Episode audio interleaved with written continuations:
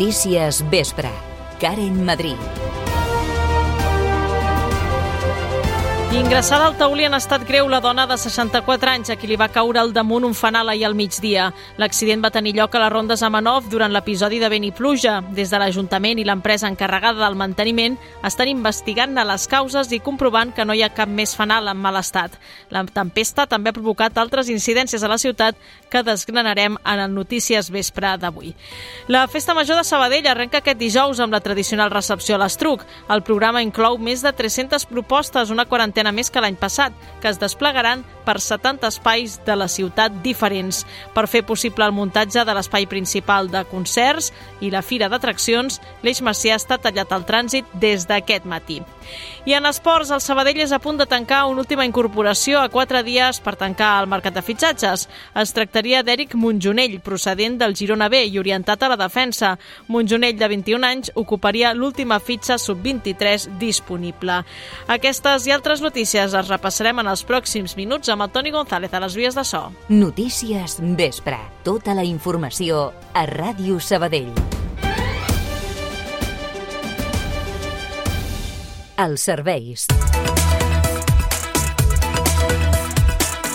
Avui ha tornat la normalitat a la xarxa viària catalana. Es nota en les incidències a les vies més properes a Sabadell. A aquesta hora a la P7 hi ha un quilòmetre de retencions a Barberà en sentit sud i mig quilòmetre més a Sant Cugat en sentit nord. A la, B, a la B30, 4 quilòmetres de retencions al seu pas per Barberà en sentit nord i un quilòmetre i mig en sentit sud. I ja si mirem a Barcelona, trànsit dens a la Ronda de Dalt entre Pedralbes i el túnel de la Rovira en sentit meridiana. El temps.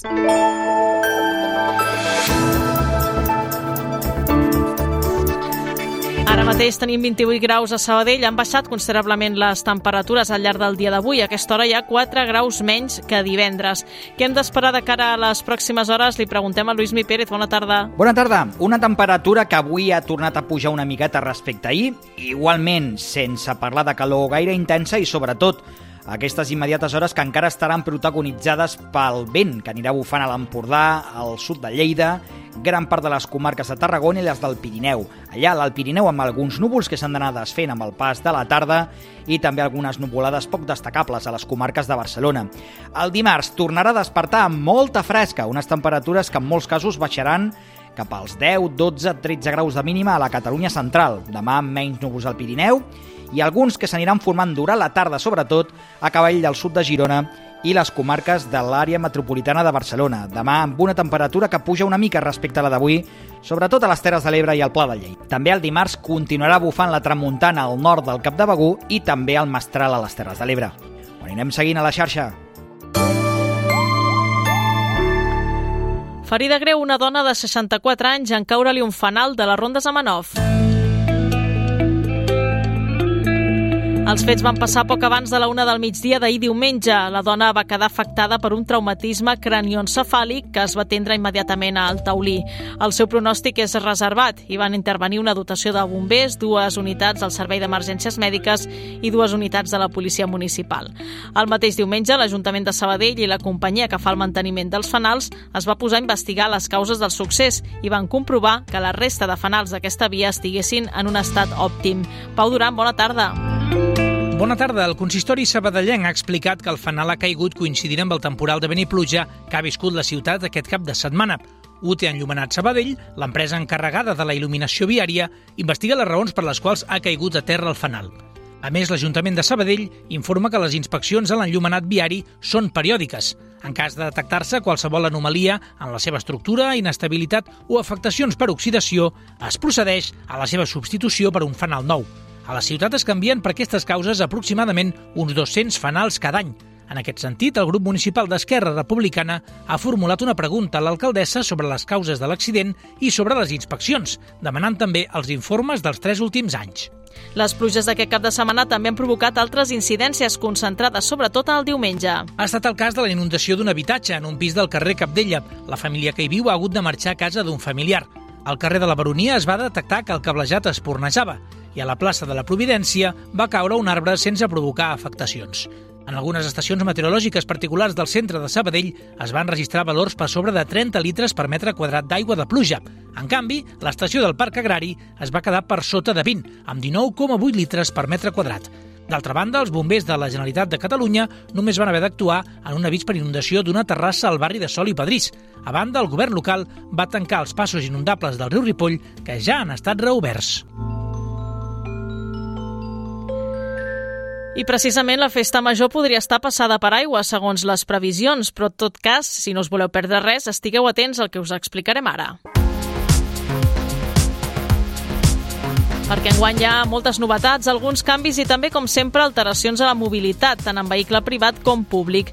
De fet, si avui heu passat per l'Eix Macià, sabreu que està tallat des de la plaça Catalunya fins al Corte Inglés.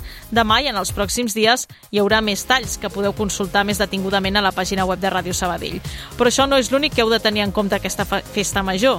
Hi ha canvis? Mireia Sans, bona tarda. Bona tarda, Karen. Sí, hi ha canvis. La cursa popular del diumenge al matí passa de tres distàncies a dues. Originàriament hi havia la possibilitat de fer la cursa de 7, 14 o 21 quilòmetres i aquest any només hi haurà la possibilitat de fer dues voltes al circuit i, per tant, serà una mica més curt. Els qui s'hi vulguin inscriure ho podran fer a la cursa dels 5 quilòmetres o a la de 10. Què més? Doncs que l'animalada encarregada de disparar el tret de sortida cada dijous a la nit no tindrà una sessió de punxadiscos al final. Acabarà amb la cercavila per tal de poder centrar l'atenció a la desfilada de les bèsties festives, tal com va explicar en el seu dia la Comissió de Festes Populars de Sabadell. I quines novetats hi ha aquest any? La majoria de primeres edicions són esportives, com el primer Open de Karate de Sabadell o el primer torneig de volei platja, però la plaça de Frederic Montpou també incorporarà bastants espectacles relacionats amb les arts escèniques durant tot el dissabte, matí i tarda. També hi haurà noves veus als concerts de festa major, com la del sabadellenc Carlos González, qui sortirà davant del públic per partida doble dissabte en concert i divendres per ser el pregoner, juntament amb la seva companya d'Eufòria, la també sabadellenca Natàlia Revilla. Així apuntaven fa uns dies com preparaven el tret de sortida oficial de divendres. Algo guai s'està preparant, perquè no volem fer tampoc una cosa... Bueno, que potser acabem fent una cosa bàsica. No ho sabem. No, no. La idea és no fer-ho molt bàsic. Que som el Carlos i la Natàlia, no pot sortir res bàsic. Ah, i sobretot no guardeu el paraigua perquè segurament ens podria fer falta de cara al cap de setmana. La previsió és que plogui per festa major.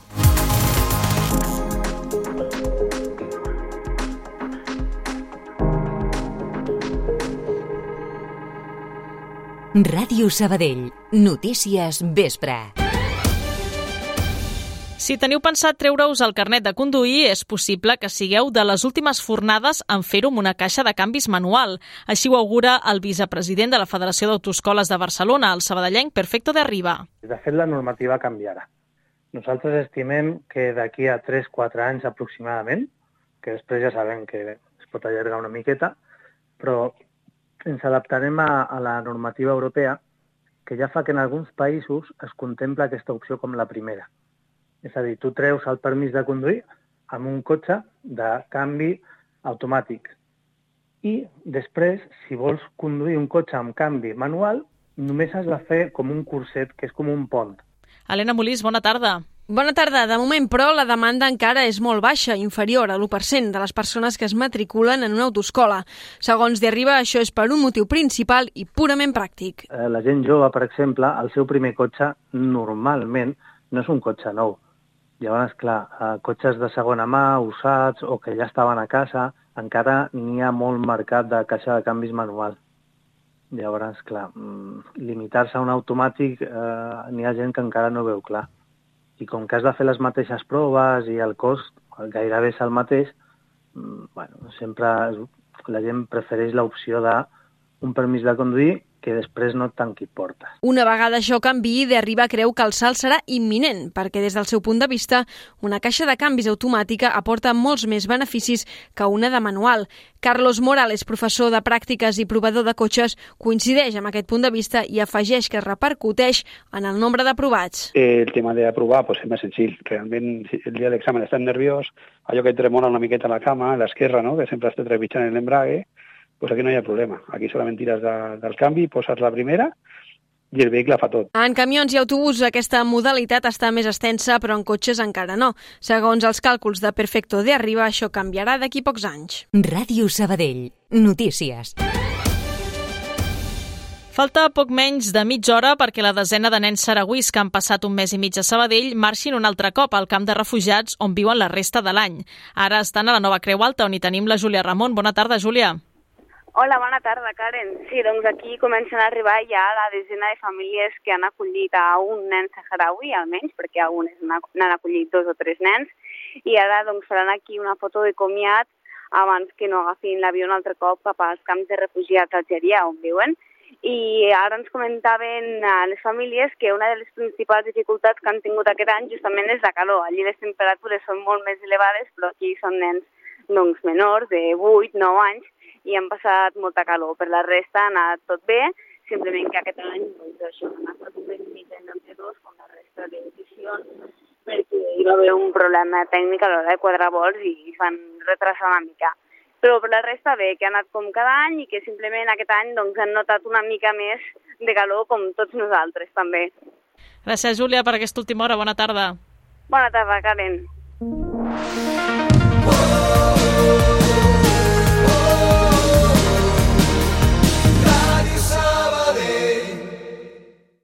El camí de la Copa del Sabadell comença a Lleida.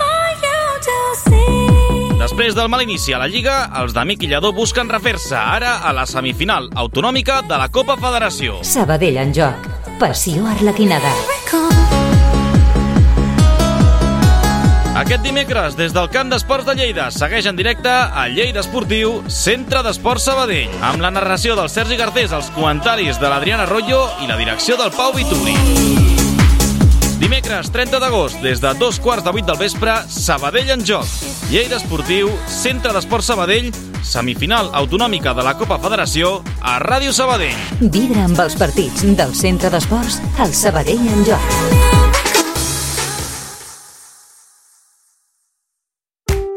Residència i Centre de Dia Ciutat de Sabadell. Més de 40 anys d'experiència donant suport al projecte de vida de les persones grans.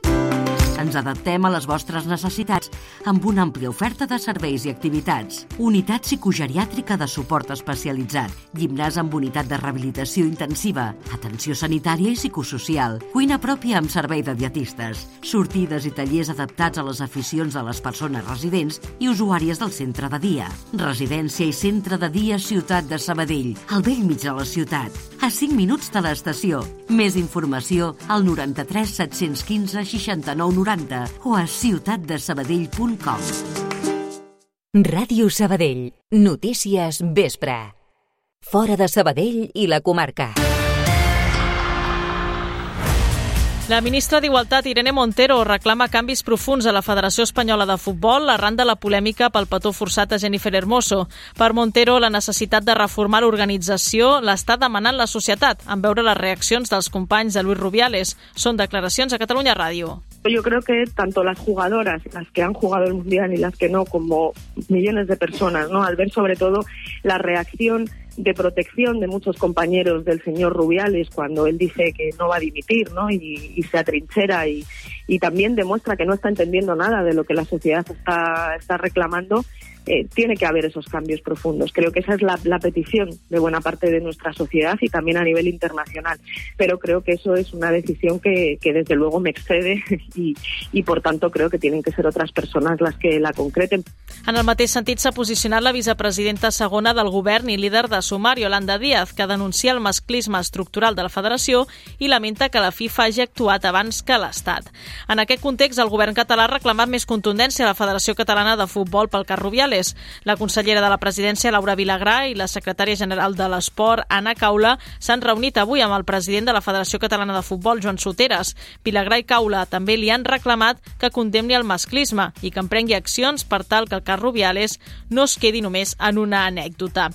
I el jutge deixa en llibertat els quatre arrestats dissabte per suposadament preparar un boicot a la Vuelta a Espanya. Tot i això, ha decretat un ordre d'allunyament mínim de 500 metres de les diferents etapes de la competició al seu pas per Catalunya. La causa està oberta pels delictes contra seguretat vial, el medi ambient, grup criminal i desordres públics. Esports.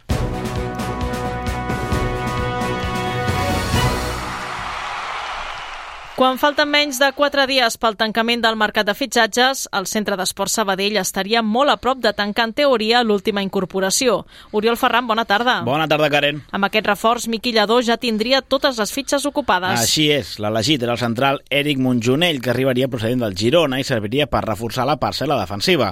Montjonell, de 21 anys, ha jugat seguit aquesta última temporada al Lommel SK belga i ocuparia l'última fitxa sub-23 que quedava disponible. Amb l'arribada del central, doncs la plantilla arlequinada estaria, si no hi ha cap gir de guió, tancada. Tot i això, després del debut amb derrota del centre d'esports a la Lliga a l'Estàdium Galdirun. Els locals es van avançar al marcador quan encara no s'havien disputat 90 segons de partit amb una falta lateral que Ivan Pérez rematava al fons de la xarxa. A la segona meitat, amb un Sabadell més endreçat, els de Miquillador van poder controlar el partit i empatar quan faltaven 10 minuts amb un bon cop de cap de Javi Gómez. Quan semblava que el Sabadell podia fins i tot marxar de Terres Basques amb els 3 punts, una pífia d'Hortolà en una centrada lateral va permetre a Àlex Sardà anotar el 2 a 1 definitiu. Miqui Lledó, tècnic arlequinat, lamentava les errades comeses. Hem de ser hipercompetitius. És una categoria que si et despistes ho pagues molt car. No pot ser que tinguem aquestes prestacions de joc que crec que són eh, elevades. La pilota s'ha mogut amb ritme, eh, amb bastanta claretat en molts moments, però no pot ser no, que per situacions que, que, que són més fàcils de controlar doncs, doncs anem hipotecats eh, des del minut 1 en aquest cas. Tot i la derrota, l'entrenador del centre d'esports assegurava que marxa de l'estadi Gal amb bones sensacions, però amb un mal gust de boca per la derrota. Jo les sensacions que m'enduc avui són molt bones en quant al rendiment individual i a la col·lectivitat.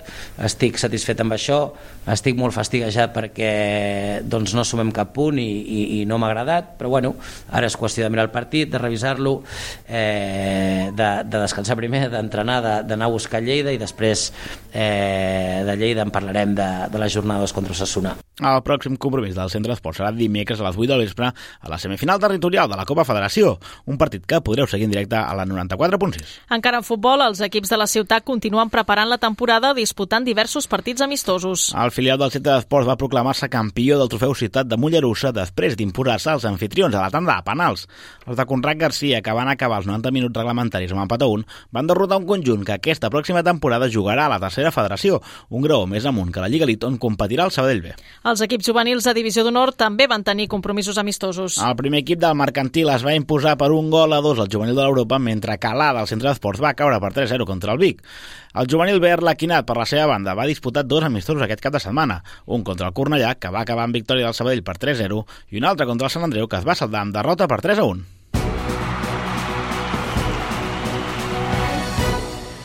El ciclista fa, fa una estona ha acabat la tercera etapa de la Vuelta a Espanya amb David de la Cruz encara a la competició. El ciclista d'Espronceda ha entrat avui a la primer final anal a Arinsal a 55 segons del guanyador Remco Evenpool, que amb la victòria ha aconseguit també assaltar la primera plaça a la General, on de la Cruz està 23è a 1 minut i 16 segons. L'etapa de demà de mitja muntanya sortirà d'Andorra la Vella i acabarà 185 quilòmetres després a Tarragona. A tot això, la sabadellenca Marta Romance va acabar ahir la seva participació al Giro de la Toscana en 60a posició a la General. I repassem altres apunts en format més breu.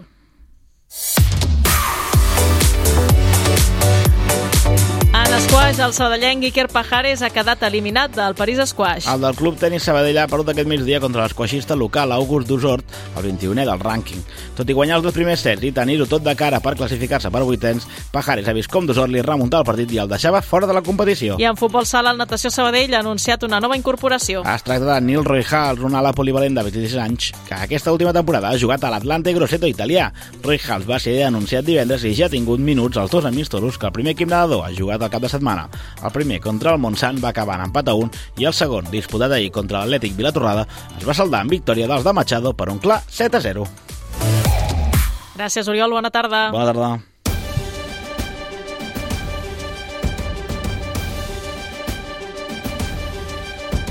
Onze minuts per dos quarts de vuit tanquem el Notícies Vespre d'aquest dilluns 28 d'agost. Recordant-vos que tot el que us hem explicat ho podeu trobar a radiosabadell.fm. Tornem amb més notícies a la 94.6 demà a partir de les 10 amb els butlletins horaris. Que acabeu de passar un bon dia. Adéu-siau.